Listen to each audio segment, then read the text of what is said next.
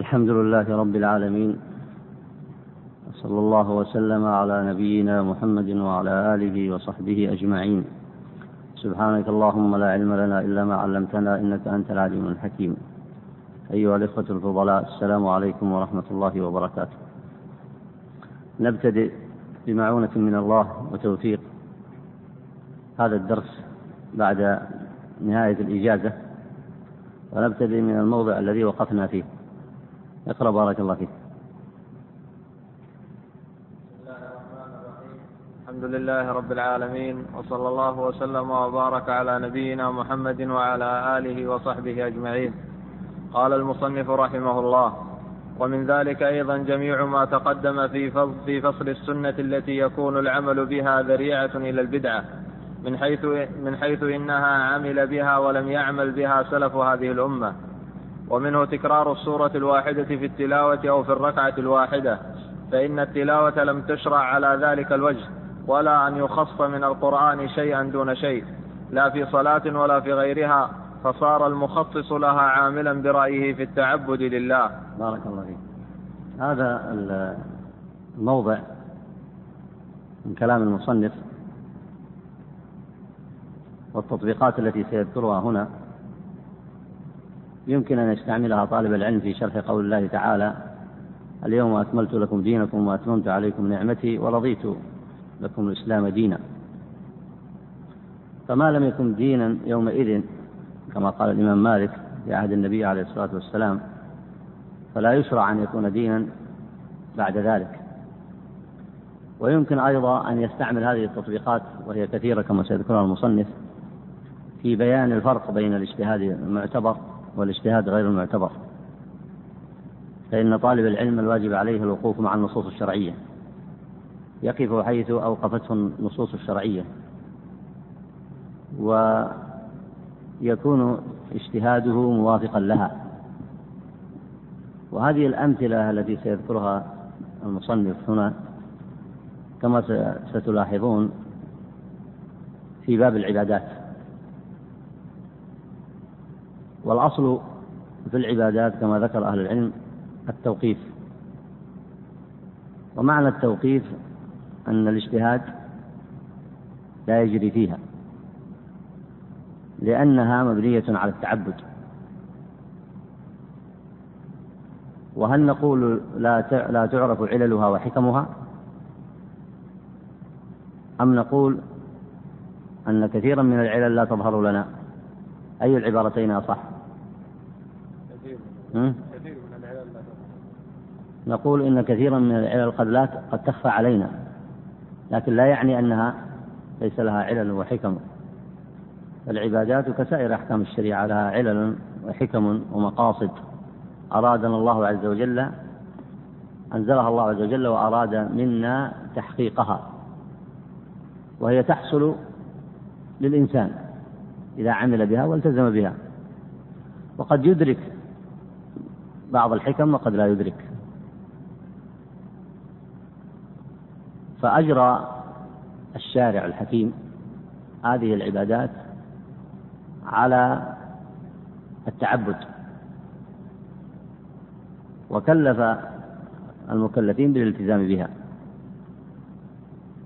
ولذلك الأصل عند أهل العلم هنا إذا قالوا العبادات قالوا الأصل فيها ألا يجري فيها الأصل فيها التوقيف.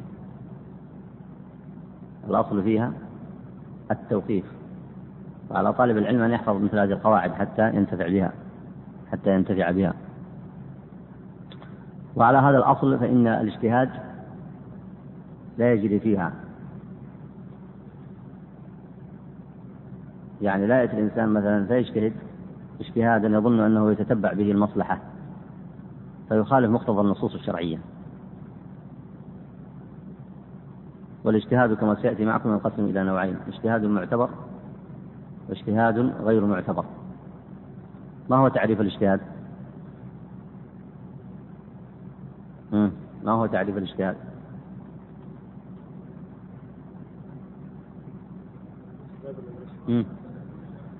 أيوه. أي نعم. بذل الوسع في استنباط الأحكام الشرعية.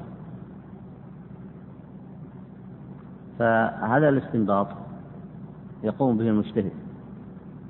استنباط يقوم به المجتهد. وما شرط صحة الاستنباط؟ أو شرط صحة الاجتهاد؟ ما شرط صحة الاجتهاد؟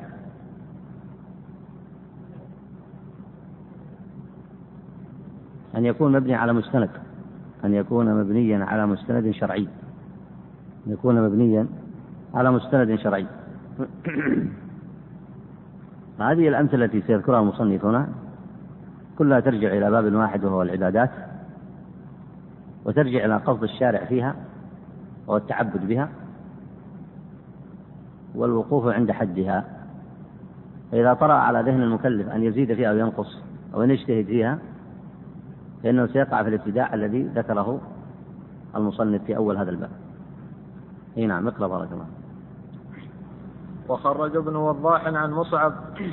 قال سئل سفيان عن رجل يكثر قراءة قل هو الله أحد لا يقرأ غيرها كما يقرأها فكرهه وقال إنما أنتم متبعون فاتبعوا الأولين ولم يبلغنا عنهم نحو هذا وإنما أنزل القرآن ليقرأ ولا يخص شيء دون شيء. وخرج أيضا وهو في العتبية من سماع ابن القاسم عن مالك رحمه الله.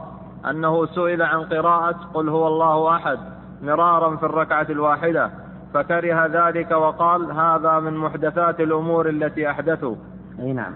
كان ممكن لهذا الذي أحدث أن يكتفي بما ورد في السنة. قد ورد في الصحيح أنه يجوز المكلف أن يردد قل هو الله أحد في في الركعتين. يعني يقرأ في الركعة الأولى قل هو الله أحد ثم يقرأ في الركعة الثانية قل هو الله أحد. أما هذا خالف السنة وجعل يرددها في ركعة واحدة. أي نعم. ومحمل هذا عند ابن رشد من باب الذريعة ولأجل ذلك لم يأت مثله عن السلف وإن كانت تعدل ثلث القرآن كما في الصحيح وهو صحيح فتأمله في الشرح. في حديث أبي سعيد الخدري أن قل هو الله أحد أن قل هو الله أحد تعدل ثلث القرآن ثلث القرآن.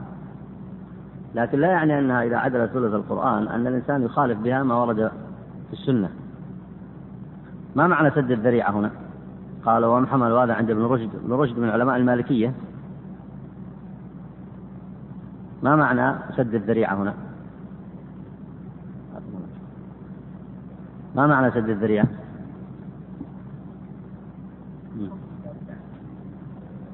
أي نعم أن يفهم الناس أن يفهم الناس منها أن ذلك مشروع وأن ذلك منقول عن النبي عليه الصلاة والسلام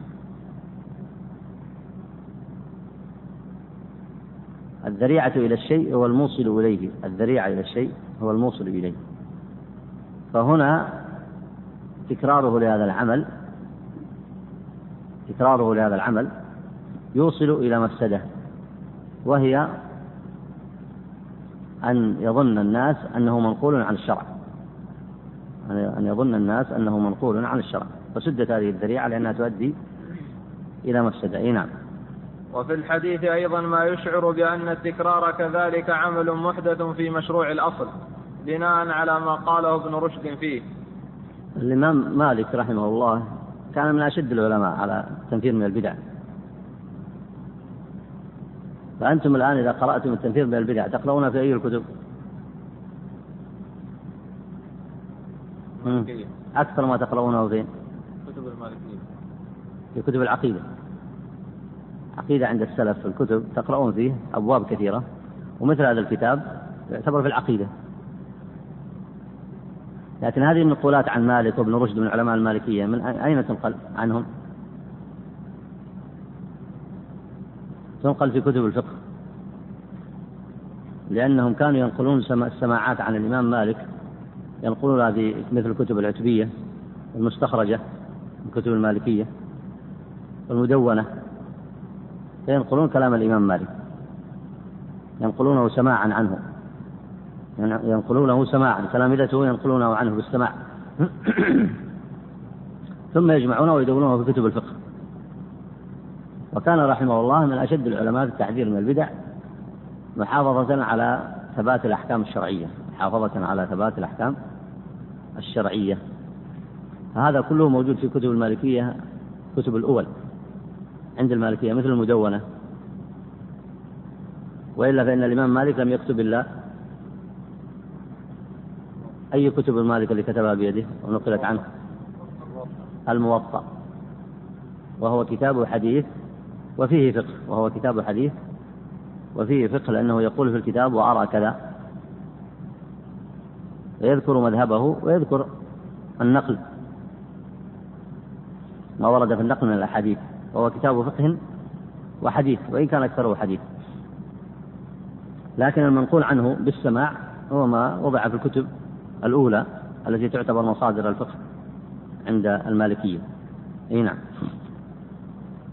ومن ذلك قراءة القرآن بهيئة الاجتماع عشية عرفة في المسجد للدعاء تشبها بأهل عرفة. ونقل الأذان يوم الجمعة من المنار وجعله قدام الإمام. شوف لاحظ هذه الأمثلة كلها في أبواب العبادات.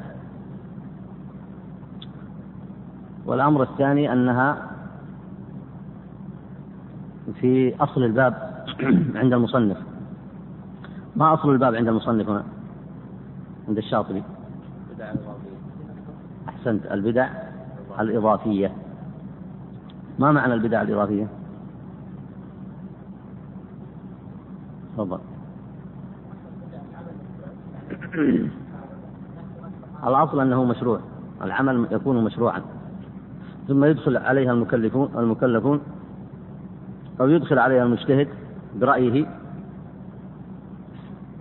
بناء على اجتهاد غير صحيح ويظنه صحيحا يدخل على الشريعة ما ليس منها.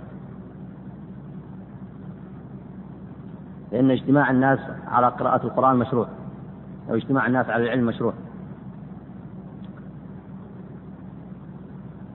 لكن الصورة المذكورة هنا أنهم يجتمعون في عشية عرفة في المسجد للدعاء تشبها بأهل عرفة فصار اجتماع الناس في أمصار الإسلام في مساجدهم في كل الأمصار اجتماعهم بعد العصر تشبها بأهل عرفة هل هذا ورد فيه نص؟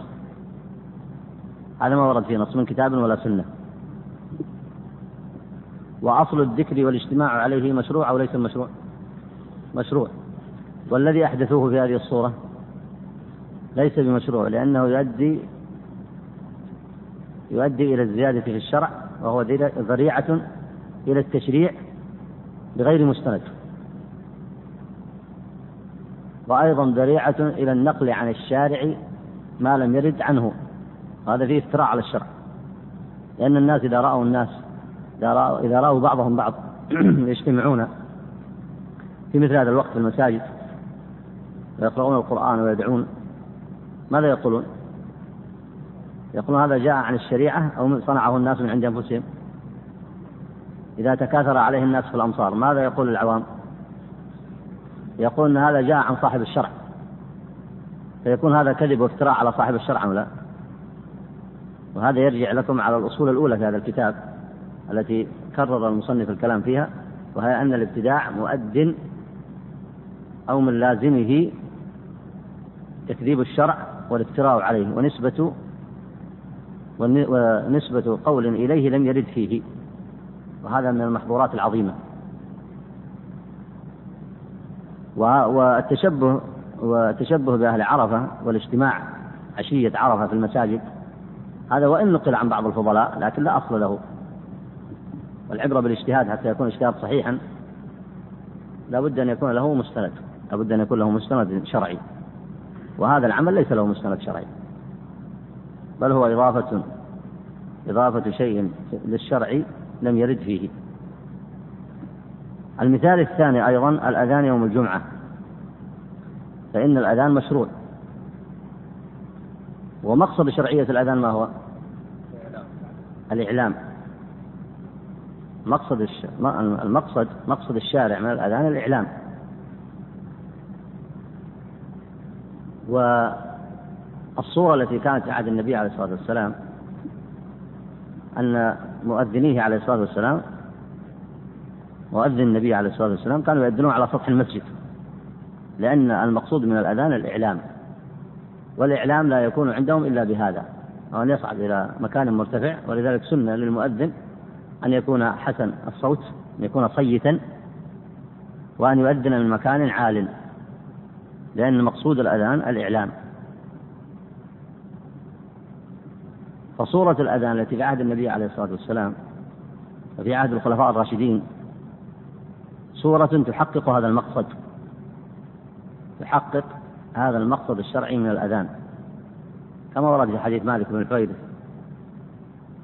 فيؤذن واحد أو اثنان ويؤذنان من مكان عال ليسمع الناس الأذان.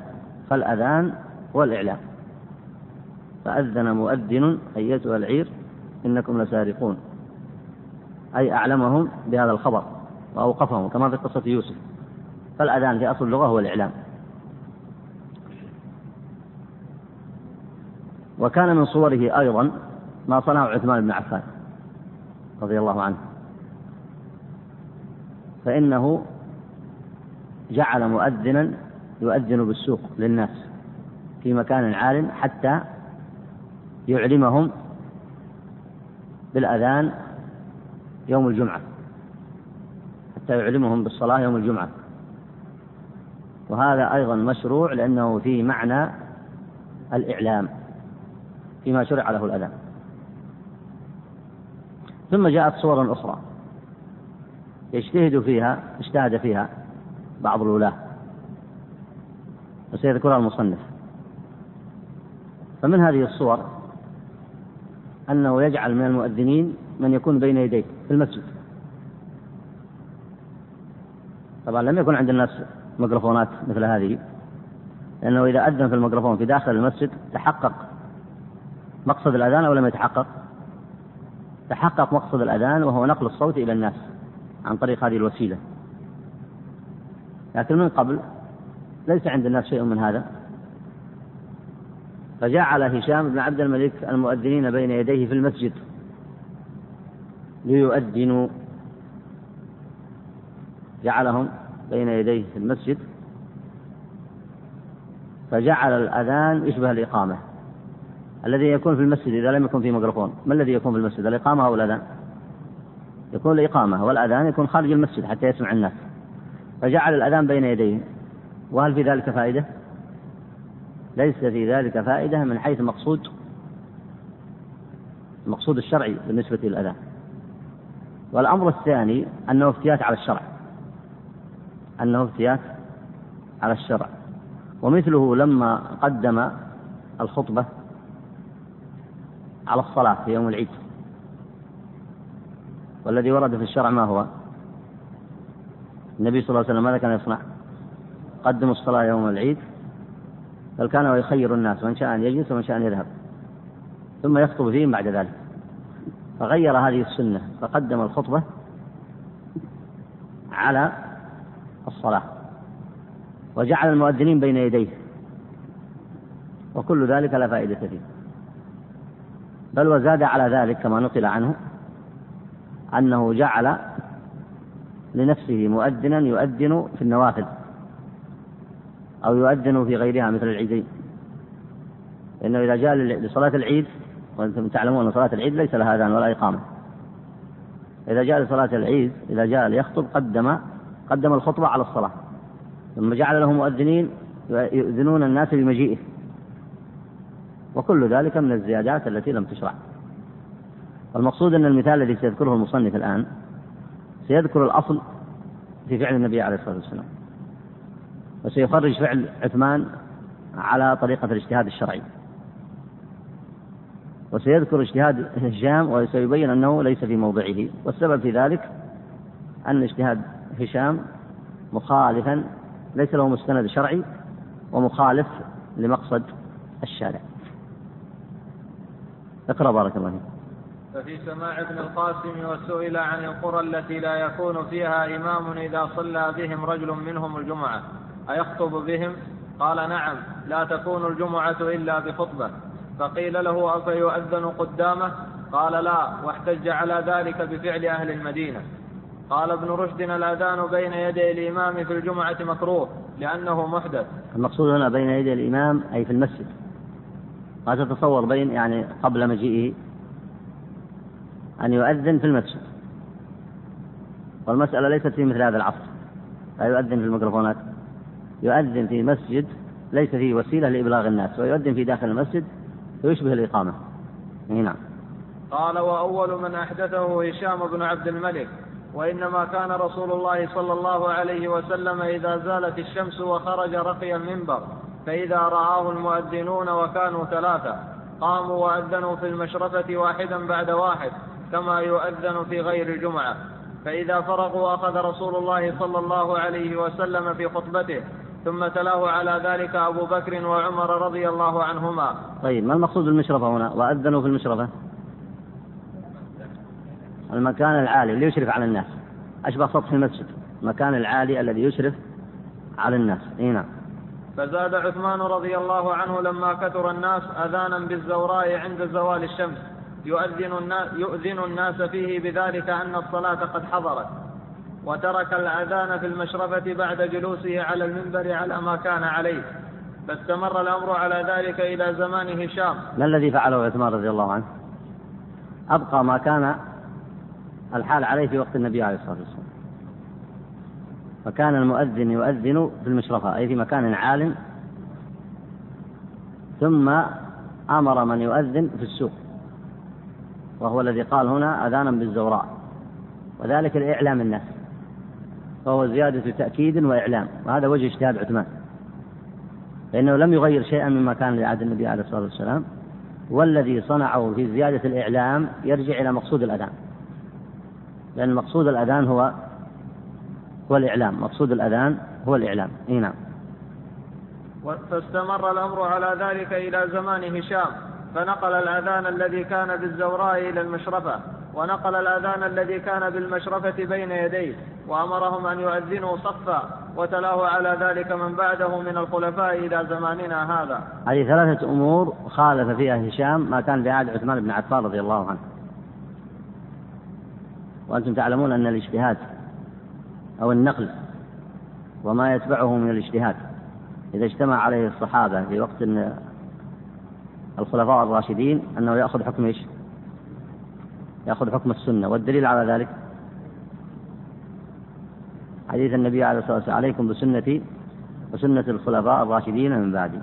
فالذي كان يصنعه عثمان هنا أنه أبقى ما أبقى من النقل عن النبي عليه الصلاة والسلام وعمل به ثم أنه كان من اجتهاده أنه زاد للإعلام في الأذان الذي هو بالزوراء فكل ذلك داخل في حديث النبي عليه الصلاة والسلام عليكم بسنتي وسنة الخلفاء الراشدين من بعدي. فجاء هشام فأحدث ثلاث مخالفات في هذا. من يعد الثلاث المخالفات الذي ذكرها المصنف الآن. أحدث ثلاثة أمور. تفضل. أولا نقل الأذان الذي بالسوق إلى سطح المسجد إلى المشرفة أي نعم. والأمر الثاني أن النقل الذي كان على سطح المسجد بين يديه في داخل المسجد. وأعيد مرة أخرى. تصور أن داخل المسجد ليس فيه ميكروفونات. فيؤذن لمن؟ يؤذن للحاضرين. والذي يشرع للحاضرين. الذي يشرع أنتم إذا دخلتم المسجد الذي يشرع أن يؤذن لكم. يؤذن. يشرع الإعلام بالأذان ولا الإعلام بإقامة الصلاة؟ يشرع بإقامة الصلاة. هذه المخالفة الثانية. أنه نقل الأذان الذي كان بالمشرفة بين يديه في المسجد في داخل المسجد. طيب والثالثة المخالفة الثالثة؟ أن جعل الثلاثة يؤذنون بصوت واحد. صفا هذا معنى صفا. أن الثلاثة يؤذنون بصوت واحد. نعم. قال ابن رشد وهو بدعة. قال والذي فعله رسول الله صلى الله عليه وسلم والخلفاء الراشدون بعده هو السنة وذكر ابن حبيب ما كان ما كان فعله عليه السلام. وفعل الخلفاء بعده كما ذكر ابن رشد. وكأنه نقله من كتابه وذكر قصة هشام ثم قال والذي كان يفعل رسول الله صلى الله عليه وسلم هي السنة. وقد حدثني أسد بن موسى عن يحيى بن سليم عن جعفر بن محمد بن جابر بن عبد الله أن رسول الله صلى الله عليه وسلم قال في خطبته أفضل الهدي هدي محمد وشر الأمور محدثاتها وكل وكل بدعة ضلالة. أي نعم. هذا الحديث سبق معنا رجه الشيخان. وهذه القاعدة كلية وكل بدعة ضلالة وشر الأمور محدثاتها. ووجه الإحداث هنا في هذه المسألة التطبيقية قد اتضح لكم. أحدث في ثلاثة أمور. أحدث في مسألة الأذان ثلاثة أمور. وهي داخلة أيضا في الدم يقول النبي عليه الصلاة والسلام وكل بدعة ضلالة. إيه نعم. وما قاله ابن حبيب من أن الأذان عند صعود الإمام على المنبر كان باقيا في زمن عثمان رضي الله عنه موافقا لما نقله أرباب النقل الصحيح. وأن عثمان لم يزد على ما كان قبله إلا الأذان على الزوراء. فصار أذان فصار إذنا فصار إذا نقل هشام الأذان المشروع في المنار إلى ما بين يديه بدعة في ذلك المشروع. ولهذا هذا المثال يصبح من البدع الإضافية عند المصنف. لأن أصل الأذان مشروع. والزيادات التي أحدثها هشام ثلاثة ثلاثة زيادات. فيصبح هذا مثال للبدعة الإضافية.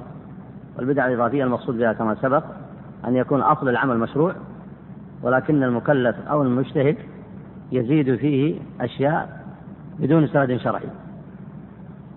وهو بدعة بالإضافة إلى أي شيء؟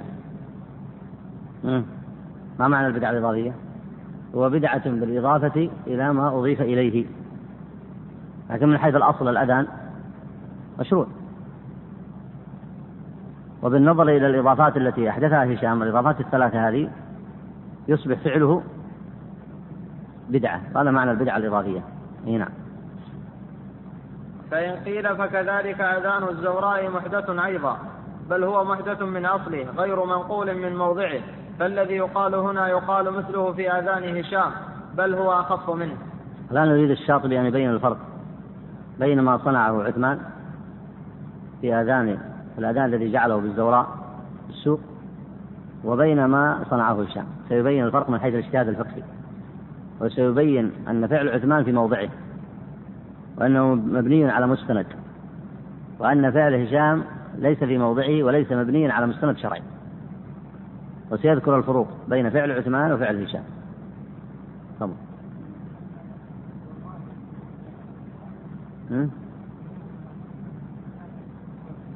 أيوه. ما زاد رابع. أي. بدون عدد. الذي الذي في الزوراء هو الأذان الذي في السوق وجعله عثمان لإعلام الناس بالصلاة. هنا. لإعلام الناس بمجيء الإمام. اقرأ الجواب. فالجواب أن أذان الزوراء وضع هنالك على أصله من الإعلام بوقت الصلاة وجعله بذلك الموضع لأنه لم يكن ليسمع إذا وضع بالمسجد كما كان في زمان من قبله. فصارت كائنة أخرى لم تكن فيما تقدم. ما هي الكائنة الأخرى هنا؟ ما معنى كائنة أخرى؟ نازلة. نازلة. نازلة الناس كانوا قريبين من المسجد فكانوا يسمعون الأذان. احتاج عثمان ليسمع الناس الذين في السوق بالأذان. يسمعهم الأذان فأقام أذانا عندهم. فهي مسألة جديدة تحتاج إلى اجتهاد.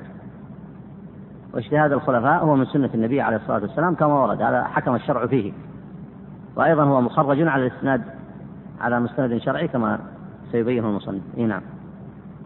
فاجتهد لها كسائر مسائل الاجتهاد وحيث كان مقصود الأذان الإعلام فهو باق كما كان فليس وضعه هنالك بمناف إذ لم تخترع فيه أقاويل محدثة ولا ثبت أن الأذان بالمنار أو في سطح المسجد تعبد غير معقول المعنى يعني ممكن إنسان يقول لك أن الأذان على سطح المسجد تعبدي غير معقول المعنى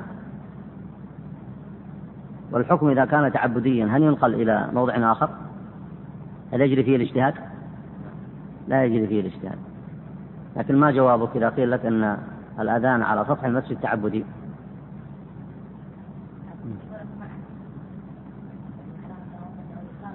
يعني معقول المعنى أو توقيفي؟ افرض أنه ما أذن على سطح المسجد. كانت في منارة بين بين المسجد بينها وبين المسجد عشر, عشر أمتار فأذن فيها. يجوز أن يؤذن أم لا؟ فإذا هو معقول المعنى. سواء أذن بجوار المسجد أو حوله بعشرة أمتار أو جعل الأذان بعيدا عنه. فإن هذا كله معقول المعنى. فهنا أثبت الاجتهاد عثمان هذه الأمور الثلاث أولا أنه كائنة أخرى جديدة تحتاج لإعلام الناس بالأذان. والأمر الثاني أن بقاء الأذان في سطح المسجد ليس من الأمور التعبدية التي لا يعقل المعنى فيها. إضافة إلى قول النبي عليه الصلاة والسلام عليكم بسنتي وسنة الخلفاء الراشدين من بعد. إيه نعم.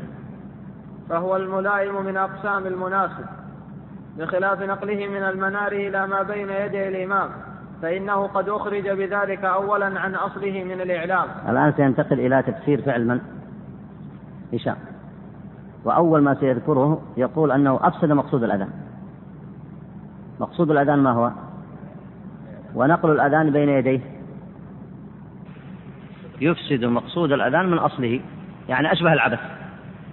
أشبه العبث. وهذا الفرق بينه وبين الاجتهاد. عثمان رضي الله عنه. إي نعم. بخلاف نقله من المنار إلى ما بين يدي الإمام فإنه قد أخرج بذلك أولا عن أصله من الإعلام إذ لم يشرع لأهل المسجد إعلام بالصلاة إلا بالإقامة. وأذان وأذان وأذان جمع الصلاتين موقوف على محله. ثم أذانهم على صوت واحد زيادة في الكيفية فالفرق بين الموضعين واضح ولا اعتراض بأحدهما على الآخر. هذا التفريق بين فعل عثمان رضي الله عنه وبين فعل هشام. إي نعم. ومن ذلك الأذان والإقامة في العيدين. فقد نقل ابن عبد البر اتفاق الفقهاء على أن لا أذان ولا إقامة فيهما ولا في شيء من الصلوات المسنونات والنوافل وإنما الأذان للمكتوبات.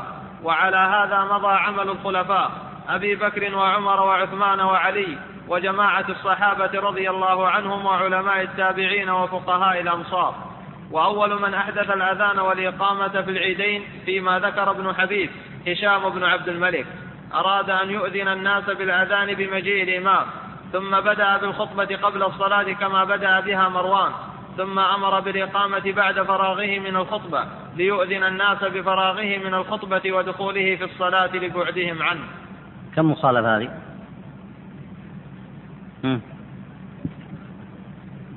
كم مخالفة في فعله هذا؟ ثلاث. الأولى أنه جعل للعيدين صلاة العيدين أذان وليس لها أذان. والثاني؟ أنه قدم الخطبة قبل الصلاة. مخالفة للنص. الثالث جعل إقامة بعد ما ينتهي من الخطبة يؤذن الناس بالصلاة فيأمر بالإقامة.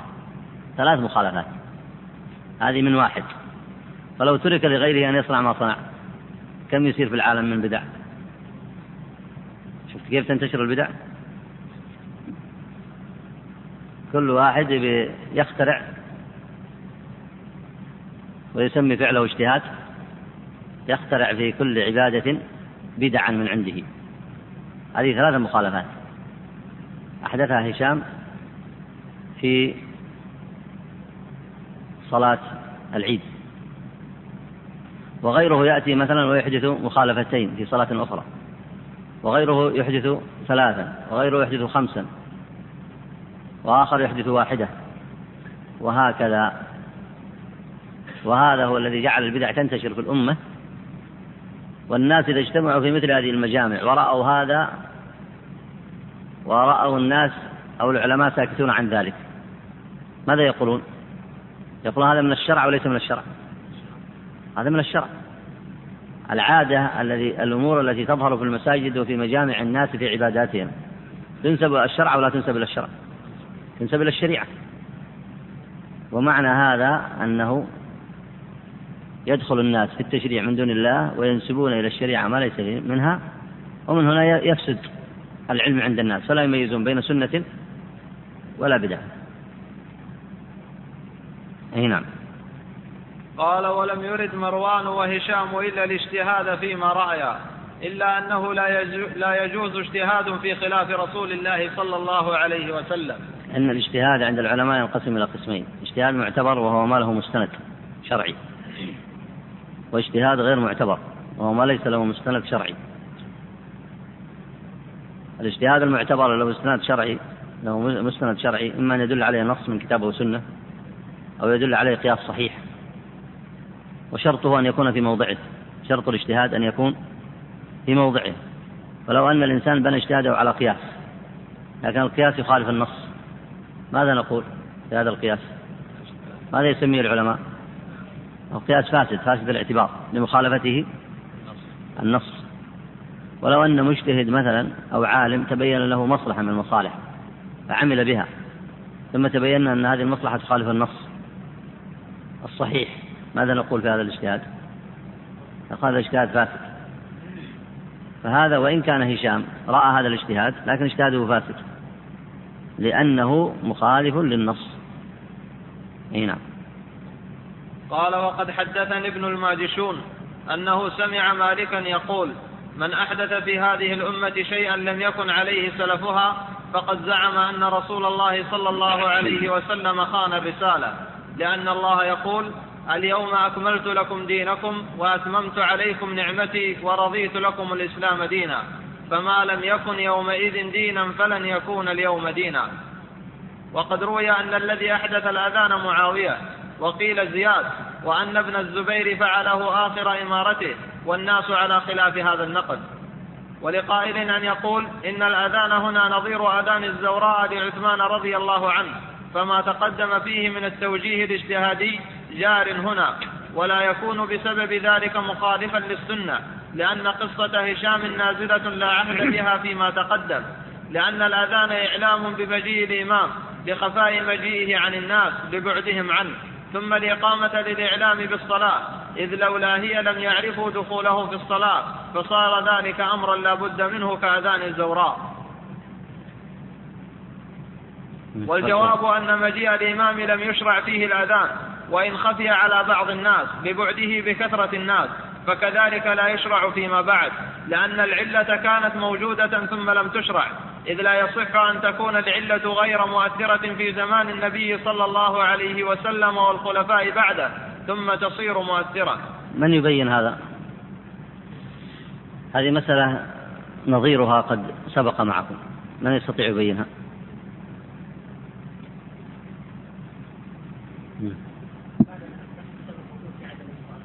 أحسنت بارك الله فيك. الآن السبب اللي يعتذر به هشام أنه يريد أن يعلم الناس بمجيئه أن أناسا في آخر الصفوف من كثرة الزحام لا يرونه. هذا السبب كان موجود في عهد النبي عليه الصلاة والسلام ولا ما كان موجود؟ كان موجود. وأيضا كان موجود في عهد الخلفاء الأربعة هؤلاء. كان موجودا. فلا يجوز له أن يعتذر بمثل هذا السبب. لأن مقصود الشارع ألا يكون في صلاة العيدين أذان ولا إقامة. وكذلك ما كان في حكمها في حكمهما. والإمام إذا لم يروه الناس قبل الخطبة بدقيقتين يرونه بعد إيش؟ إذا استأنف الخطبة إذا بدأ فيها. هذا الاعتراف في غير محله. وليس بالضرورة أن, يرى أن, أن, أن يراها الناس قبل ما يبدأ في الخطبة.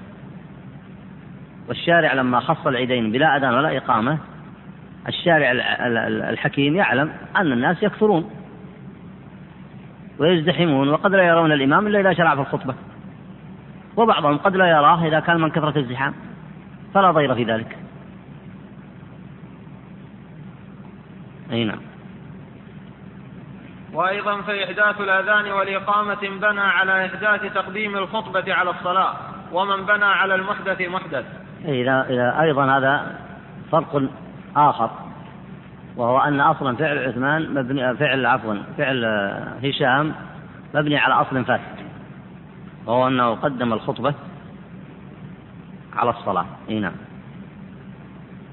ولأنه لم يشرع في النوافل أذان ولا إقامة على حال. ف...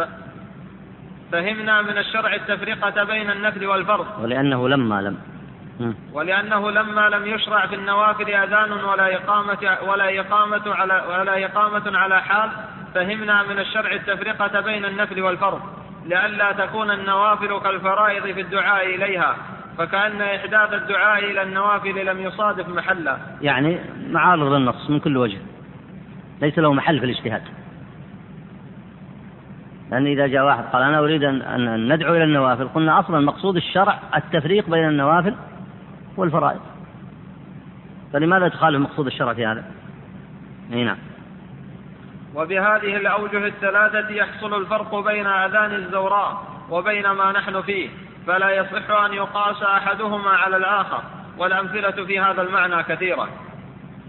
ومن نوادرها التي لا ينبغي أن تقفل ما جرى به عمل جملة ممن ينتمي إلى طريقة الصوفية من تربصهم ببعض العبادات أوقاتا مخصوصة غير ما وقته الشرع فيها فيضعون نوعا من العبادات المشروعة في زمن الربيع ونوعا آخر في زمن الصيف ونوعا آخر في زمن الخريف ونوعا آخر في زمن الشتاء وربما وضعوا لأنواع من العبادات لباسا مخصوصا وطيبا مخصوصا. آه، الناس آه، يظنون أن آه، طلبة العلم أو الاتجاه السلفي متشدد مع الصوفية. لكن هذا كلام العلماء فيه من 600 سنة أو أكثر. يحدثون أشياء لم يأذن الشارع بها. وأشياء ليس لها معنى. لذلك سيأتي كلام المصنف يقول تضيع الأعمار في مثل هذا لا فائدة فيه من حيث من حيث تتبع مثل هذه البدع والخرافات التي يذكرونها. إي نعم. وأشباه ذلك من الأوضاع الفلسفية يضعونها على مقاصد شرعية. أي متقربا بها إلى الحضرة الإلهية في زعمهم وربما وضعوها على مقاصد غير شرعية كأهل التصريف بالأذكار والدعوات ليستجلبوا بها الدنيا من المال والجاه والحظوة ورفع المنزلة بل ليقتلوا بها إن شاءوا أو أو أو يمرضوا أو يتصرفوا وفق أغراضهم. يعني يشير إلى عمل السحرة والعرافين والكهنة فإنهم بزعمهم يستعملون الحروف المقطعة أو يستعملون بعض الأحرف ويحاولون أن يلبسوا على الناس بأنهم يصنعون أمورا مشروعة وهذا من البدع المحدثات. والبدع كما سبق معكم أنواع منها ما يصل إلى حد الشرك. ويزعمون أن هذا علم علمهم الله إياه. أن هذا علم علمهم الله إياه. ويجعلون لأنفسهم طرائق في التصريف بالأذكار والدعوات. قال ليستجلبوا بها الدنيا من المال والجاه والحظوة ورفعة المنزلة. فيظن العوام أن عنده شيء مخصوص أو أنه عندهم كما يسمونه علم لدني يتقربون إليه ويجعلونه سيدا بمعنى أن عنده لأن من من إطلاقات السيد أن يكون آه، أن يعتقد العوام فيه أنه أن فيه سر أن فيه سر وضعه الله فيه. وخصه بذلك من دون الناس ونحو ذلك. فكل ذلك من البدع المحدثات التي يتحصلون بها على الدنيا وعلى الرفعة وعلى الحظوظ الدنيوية. أي نعم. فهذه كلها بدع محدثات بعضها أشد من بعض لبعد هذه الأغراض عن مقاصد الشريعة الإسلامية الموضوعة مبرأة عن مقاصد المتخرصين مطهرة لمن مطهرة لمن تمسك بها عن أوضار اتباع الهوى. إذ كل متدين بها عارف بمقصدها ينزهها عن أمثال هذه المقاصد الواهية. فالاستدلال على بطلان دعاويهم فيها من باب شغل الزمان بغير ما هو أولى. وقد تقرر بحول الله في أصل المقاصد في كتاب الموافقات. ما يؤخذ منه حكم هذا النمط والبرهان على بطلانه. لكنه على وجه كلي مفيد وبالله التوفيق. وهذا كله إن فرضنا أصل العبادة مشروعا فإن كان أصلها غير مشروع فهي بدعة حقيقية مركبة. كالأذكار والأدعية التي يزعم أهلها أنها مبنية على علم الحروف وهو الذي اعتنى به البوني وغيره ممن حذا حذوه أو قاربه. فإن ذلك العلم فلسفة ألطف من فلسفة معلمهم الأول. هذه علوم آه، يرجع إليها السحرة والكهنة يسمونها علم الحروف يتعلمونها من كتب خاصة. وترجع أصل هذه العلوم إلى نوع من الفلسفة ويدعون بها الاطلاع على علم الغيب. يعني يمارسون بها الشرك الأكبر يطلعون يدعون بها الاطلاع على علم الغيب. وهذا الكتاب البوني هذا هذا كتب من كتب السحر. المنتشر في العالم الإسلامي بحيث يتخذه السحرة والكهان وغيرهم ويتعلمون منه ما يفرقون به بين المرء وزوجه.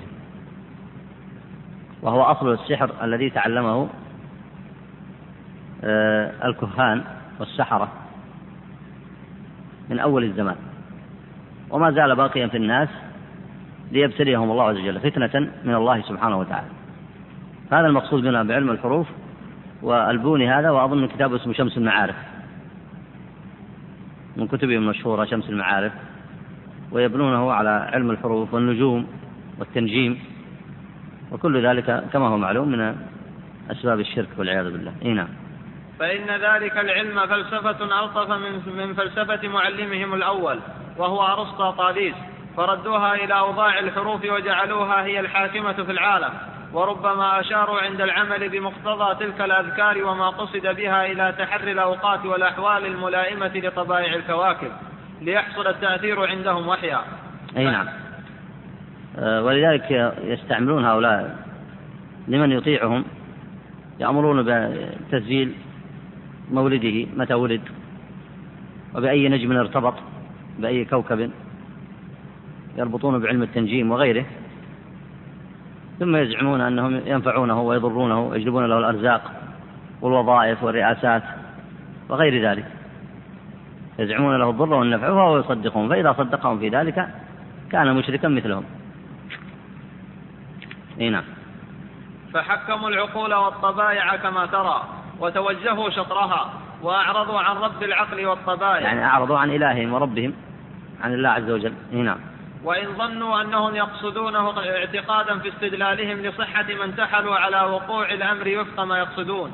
فإذا توجهوا بالذكر والدعاء المفروض على الغرض المطلوب حصل سواء عليهم أم أنفعا كان أم نفعا كان أم ضرا. وخيرا كان أم شرا ويبنون على ذلك اعتقاد بلوغ النهاية في إجابة الدعاء.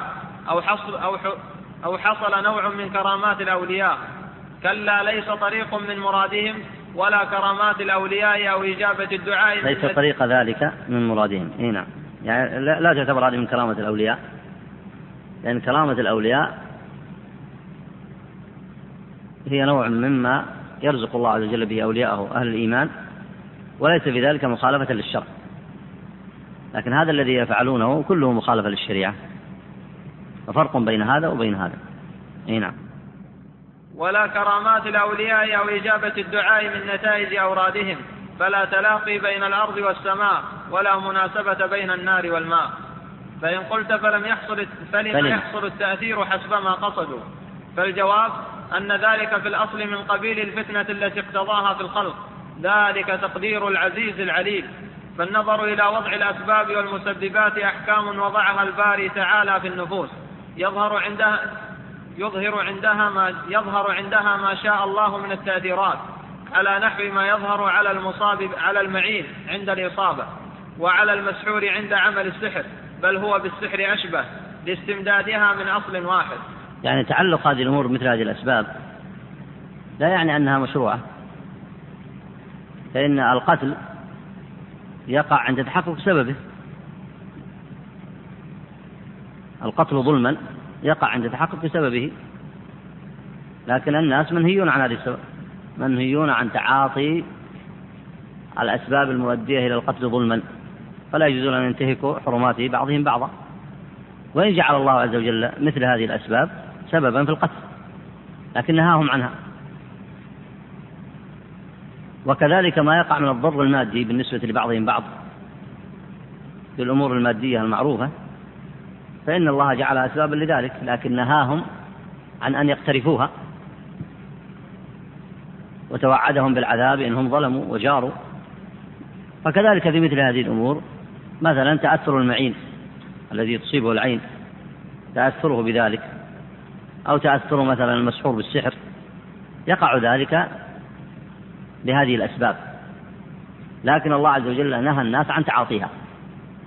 نهاهم عن تعاطيها. وجعل هذا من المحرمات. وكما في الحديث حد الساحر ضربة بالسيف وجعله من الشرك الذي نهى الله عنه. فنهى الساحر عن تعاطي السحر. ونهى الإنسان أن يذهب إليه. فنهاهم الله عز وجل وحذرهم مما يضرهم. فإذا انتهوا كانوا متقين لله عز وجل. وإن لم ينتهوا تعرضوا لعذاب الله عز وجل. فهذا من الفتنة. قال ولذلك قال الله عز وجل وما يعلمان من أحد حتى يقول إنما نحن فتنة فلا تكفر. فأسباب الصلاح موجودة في الأرض وهي مخلوقة لله خلقها الله عز وجل. وأسباب آه، الفتنة والابتلاء أيضا خلقها الله في الأرض ليعلم الله عز وجل من يعبده بالغيب من يتقيه ويتبع شريعته ويكف نفسه عن المحرمات ويقوم بعبادة الله ويكف نفسه عن الشرك والباطل والظلم. ولولا ذلك لما وقع الابتلاء في الدنيا. لو لم يكن في الدنيا سبب من أسباب الفتنة والابتلاء لما خص الناس في الابتلاء. فإنما خلق الله الموت والحياة لأي شيء. ليبلونا أينا أحسن عملا. فهذا الذي خلقه الله عز وجل من الأسباب المؤدية إلى الخير والصلاح وتعمير الأرض وكذلك ما خلقه الله عز وجل من الأسباب المؤدية إلى الفتنة والابتلاء وتدمير الأرض والإفساد فيها وإهلاك الحرث والنسل هذه أسباب خلقها الله عز وجل. ومثل ذلك ما ذكره المصنفون. لينظر الله عز وجل وليبتلي أهل الأرض لينظر كيف تعملون لينظر من يسعى في إقامة الأسباب الصالحة لتعمير الأرض وهداية الخلق. ولينظر من يسعى من عباده في أسباب الفتنة والفساد وإفساد الحرث والنسل ليعلم الله هؤلاء وليعلم هؤلاء وليجزي هؤلاء بما وعدهم من جنة عرضها السماوات والأرض وليعذب أولئك بما اقترفوه من الظلم والعدوان. وكون هذه الأسباب تؤثر إنما تؤثر بخلق الله سبحانه وتعالى. لكن نهى الله عز وجل الناس عن تعاطي أسباب الظلم. والكفر والشرك والكهانة والعرافة والفساد في الأرض وأمرهم بتعاطي أسباب الخير والفلاح والهداية. أي نعم. وشاهده ما جاء في الصحيح. خرجه مسلم من حديث أبي هريرة رضي الله عنه قال قال رسول الله صلى الله عليه وسلم إن الله يقول أنا عند ظن عبدي بي وأنا معه إذا دعاني. وفي بعض الروايات أنا عند ظن عبدي بي فليظن بي ما شاء. وشرح هذه المعاني لا يليق بما نحن فيه. والحاصل آه، لعل من المناسب أن نذكر شيئا مما يتعلق معنا هذا الحديث. فأنت بحسب ظنك بالله. إن أحسنت الظن تولاك الله ونصرك وأيدك.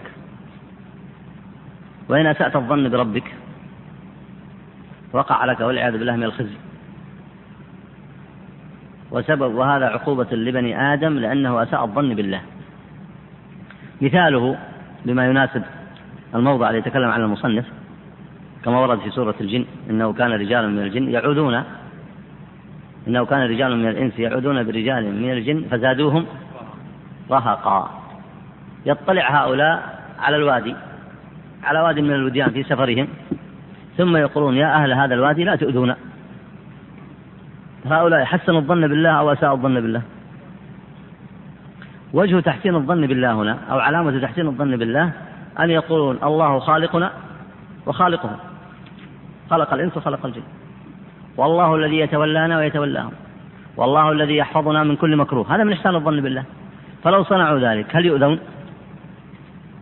فلو أحسنوا الظن بالله عز وجل كما ورد في الحديث لكان ظنهم عليهم خيرا. أنا عند ظن عبدي بي فليظن بي ما شاء الظن المقابل منهم بسوء أعمالهم ما هو أنهم ظنوا أن للجن سلطة عليهم وأن الله سيضيعهم وأن الله ولى هؤلاء عليهم حتى يؤذوهم هذا ظن حسن ولا سيء؟ هذا ظن سيء فلما كان ظنهم سيئا بالله كان الجزاء من جنس إيش؟ من جنس العمل فسلط الله عليهم الجن تؤذيهم وتتحكم فيهم وتتلعب بهم فزادوهم رهقا. إنه كان رجال من الإنس يعوذون برجال من الجن أي يستعيذون بهم. يقول نعوذ بك يا كبير هذا الوادي من الأذى. يستعيذون بهم من دون الله. وكان الأولى بهم أن يقولون نعوذ بالله من هؤلاء. فلما ساء ظنهم بالله فإن الله عز وجل عاقبهم بسوء ظنهم عقوبة لهم. فلما زاغوا أزاغ الله قلوبهم. وقس على هذا الموضع. كثير مما يقع فيه من الناس الآن من القلق والكآبة والأمراض النفسية. تجد أكثرها سببها سوء الظن بالله. وقد يتلمس الشفاء عند غير الله.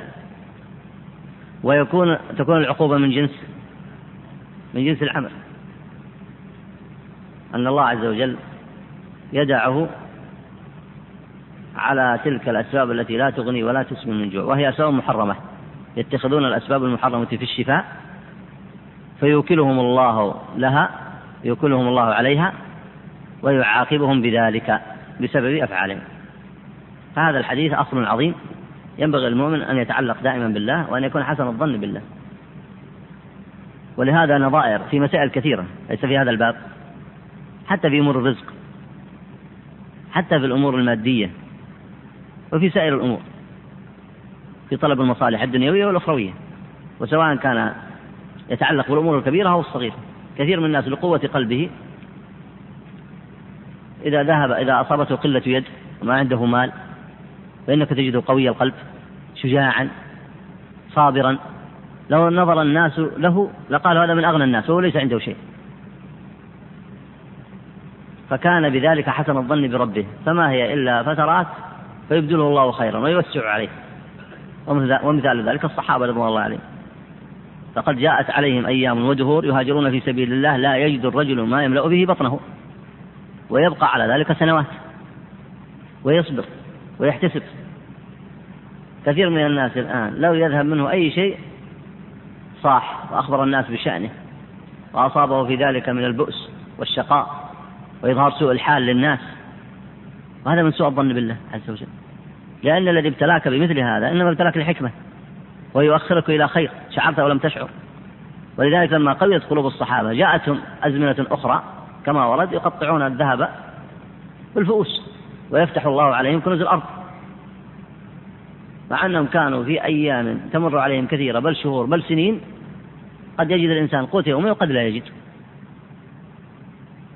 لكن كانوا محسنين الظن بالله. ومن أحسن الله ومن أحسن الظن بالله فليرجو خيرا في الدنيا والآخرة. هنا. والحاصل أن وضع الأذكار والدعوات على نحو ما تقدم من البدع المحدثات. لكن تارة يكون لكن تارة تكون البدعة فيها إضافية باعتبار أصل المشروعية وتارة تكون حقيقية. نعم. نكتفي بهذا لتمام هذا الفصل. صلى الله وسلم على نبينا محمد وعلى آله وصحبه أجمعين.